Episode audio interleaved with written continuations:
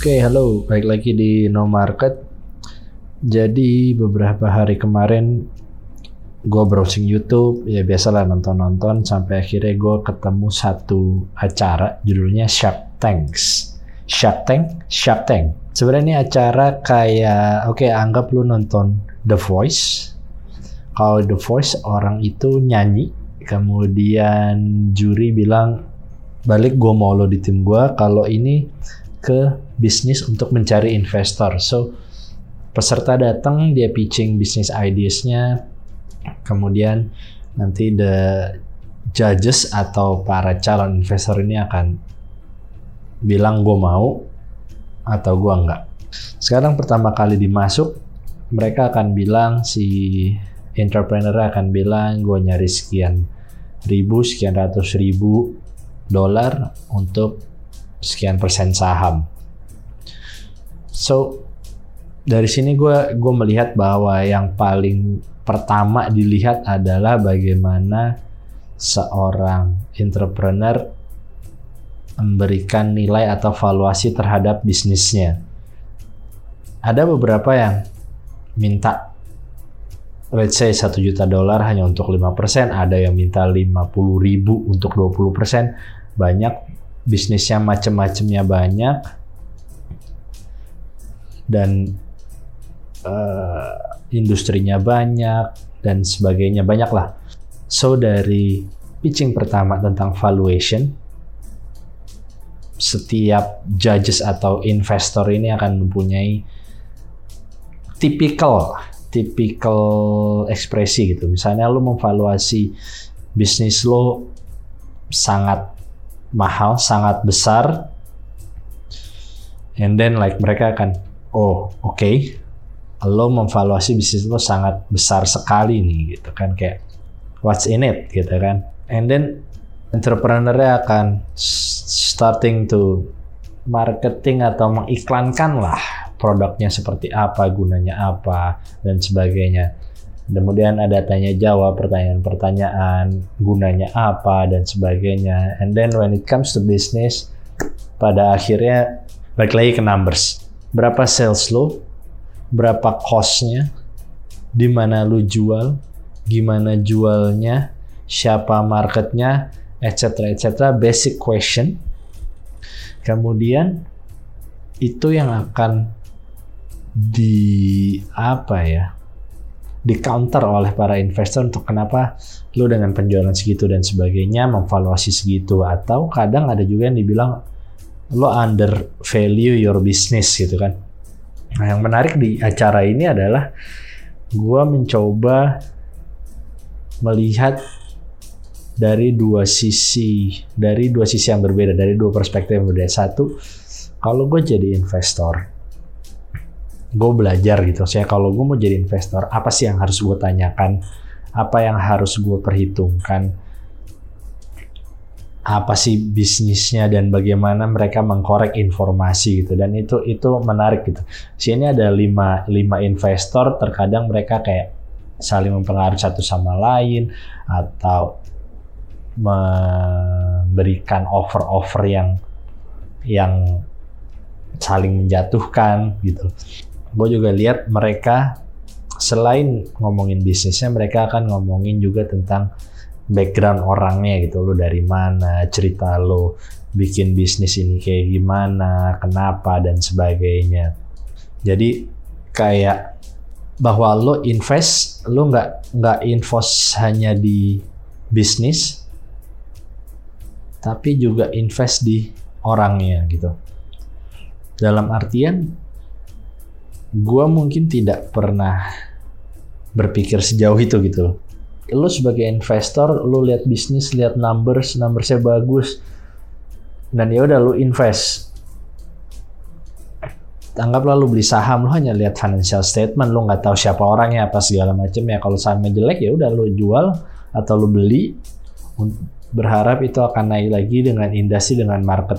Tapi kalau sebagai investor untuk invest ke invest ke bisnis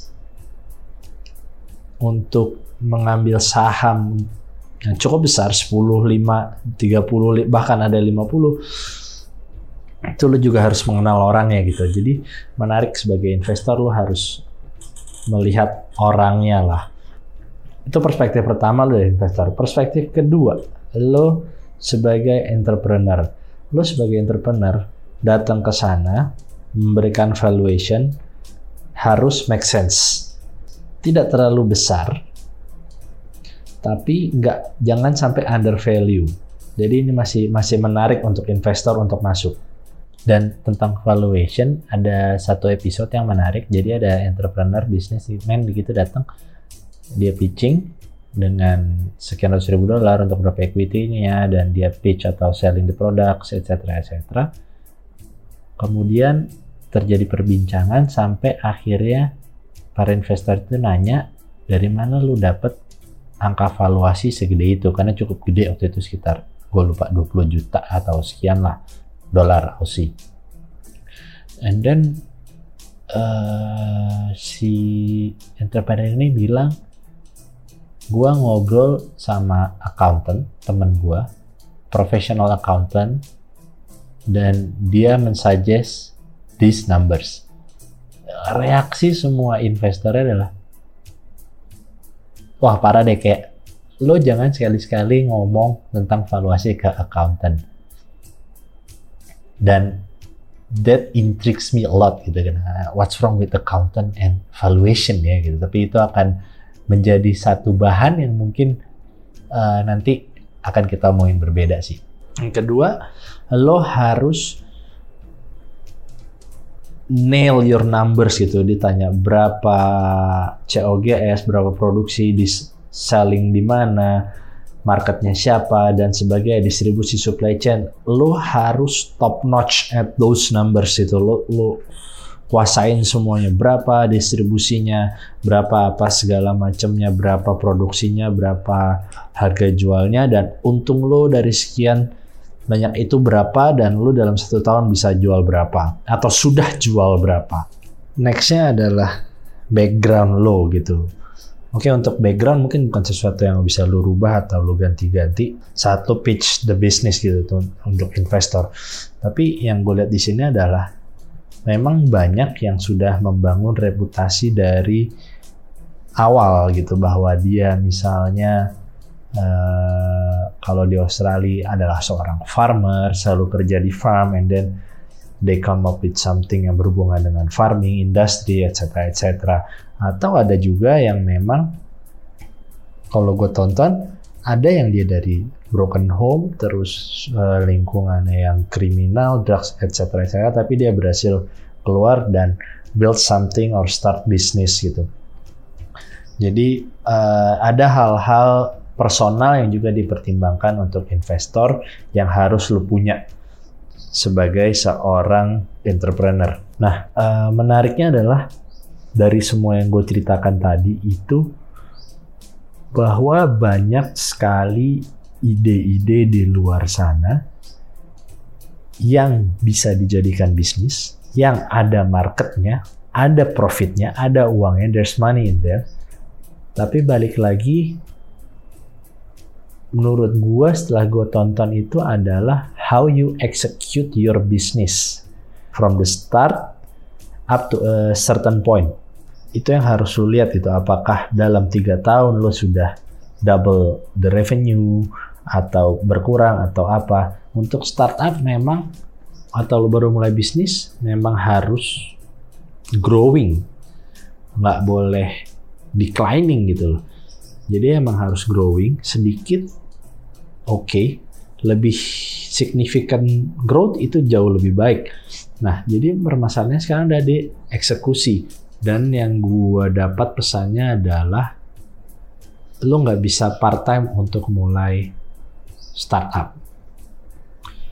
So you cannot be an employee while you're being an entrepreneur. Itu adalah dua dunia yang berbeda dan dua dua hal yang sangat berbeda lo bisa jadi employee dan mempunyai bisnis sampingan, but that doesn't make you an entrepreneur. Dan sebaliknya gitu, kayak kayak lo udah wira swasta, lo punya bisnis, lo nggak mungkin kerja lagi di kantoran.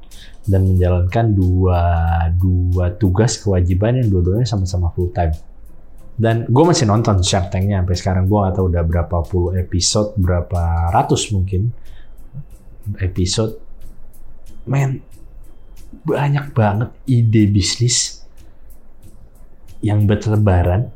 Ini kayaknya acara udah dari mungkin 10 tahun yang lalu. Kalau US dia bilangnya sih udah season 10 atau season 11 dan gue baru tahu tahun ini gitu which means mungkin dari semua pitch yang ada di Shark Tank atau at least yang udah gue tonton sudah ada yang benar-benar kejadian as in kejadian adalah kalau mereka nggak dapat investor di Shark Tank sini mereka mungkin sudah emang tapi udah go to market gitu tanpa investor yang di acara ini mungkin mereka dapat investor lain atau apa tapi for all those years for those let's say 10 years 5 to 10 years lah.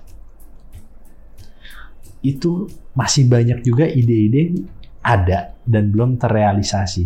Simply karena gak di-execute dengan baik. Jadi di Shark Tank sini banyak banget lu mulai lu you name it lah. Ada makanan, ada kosmetik, baju, elektronik, uh, hoverboard, kemudian electric surfing board, handboard gitu kayak. Sesuatu yang nggak lu pikirin itu akan untung tapi kalau lu punya konsep dan lu udah execute dengan baik investor akan datang. Balik lagi dengan valuasi yang benar dengan nilai yang benar dan dengan konsep yang benar jangan hanya terus some ideas begitu ditanya lu mau jual di mana konsepnya bagaimana, harga jual apa, lu nggak tahu. Oke, itu mungkin menjadikan lu seorang inventor, seorang penemu atau seorang ya seorang penemu lah ya. Walaupun lu modifikasi ataupun apa tidak benar-benar menemukan inovator. Tapi bukan berarti lu menjadi seorang entrepreneur, seorang businessman. Nah, ini yang menarik juga bahwa lu boleh lu bisa menemukan sesuatu membuat sesuatu tapi you just don't know how to sell it you just don't know how to sell it online retail atau words from mouth atau apa pun itu itu juga harus dipikirkan dengan baik gitu belum lagi semakin besar lo harus gaji karyawan lo harus sewa tempat, sewa kantor, walaupun mostly startup bisnis yang ada di sini, yang ada di Tank ini rata-rata memang home base dan mereka online. Which is itu kita sekarang ini ada di dunia online gitu kayak e-commerce sekarang merebak unicorn dekakon rata-rata semua e-commerce application based etc etc Yes, memang itu yang harus di push itu adalah one way to market your stuff your product hanya salah satu medianya aja gitu. Tapi produknya apa? Lo harus advertising seperti apa? Lo harus mempackaging seperti apa? Itu yang harus dipikirkan baik-baik menurut gue dari dari tontonan ini ya. Kemudian ada satu satu terms yang gue pribadi baru baru denger nggak nggak terlalu familiar. Ada namanya customer acquisition cost. Itu adalah biaya atau cost yang lu keluarkan untuk mendapatkan satu customer. Gue browsing, gue cari artinya, dan sebenarnya hitungannya simpel. Lu punya marketing cost, let's say satu juta selama satu bulan. Mau apa? Instagram ads, Facebook ads, Google ads, whatever it is. Intinya marketing ads satu juta selama satu bulan.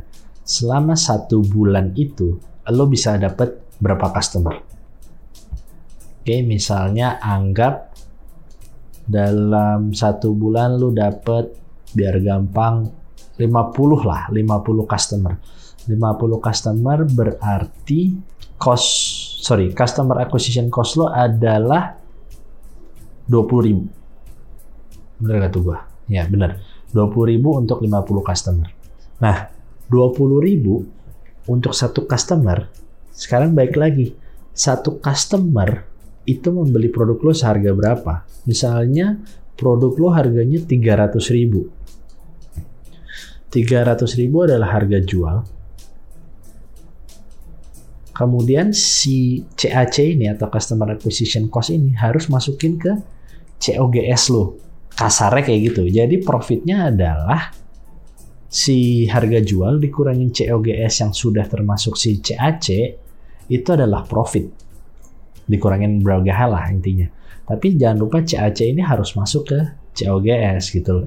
Dan itu gue baru mikir, iya bener juga ya. Kayak ya gue bukan entrepreneur udah lama atau apa, tapi karena gue nonton ini gue belajar aja sih bahwa selama ini gue gue tidak berpikir bahwa marketing cost atau mar biaya marketing yang gue keluarkan itu harus mendapatkan berapa customer kah? Atau berapa yang sudah gue habiskan untuk mendapat berapa customer? Yang selalu gue pikirkan adalah oke okay, iklan ya iklan. Marketing marketing. At least orang tahu produk gue ada di sana. Tapi gue nggak pernah harus nggak pernah tahu harus ngitung customer acquisition costnya itu. Nah setelah bacotan gue yang panjang ini kayaknya akan menarik buat gua nanti juga habis ini gue mau ngobrol sama beberapa orang yang yang baru memulai bisnis, baru memulai entrepreneurship ini. Dan gue mau mudah-mudahan gue bisa mendapatkan conversation yang menarik. Seperti yang gue lihat di Shark Tank at as in kayak gue mau mencoba bertanya sebagai investor dan menantang dia sebagai entrepreneur. Walaupun pada akhirnya gue nggak akan invest sih, as I have no money to invest anyway. Tapi ini akan menjadi sesuatu yang menarik untuk beberapa beberapa recording selanjutnya. Gue akan coba cari orang atau temen gue yang baru mulai bisnis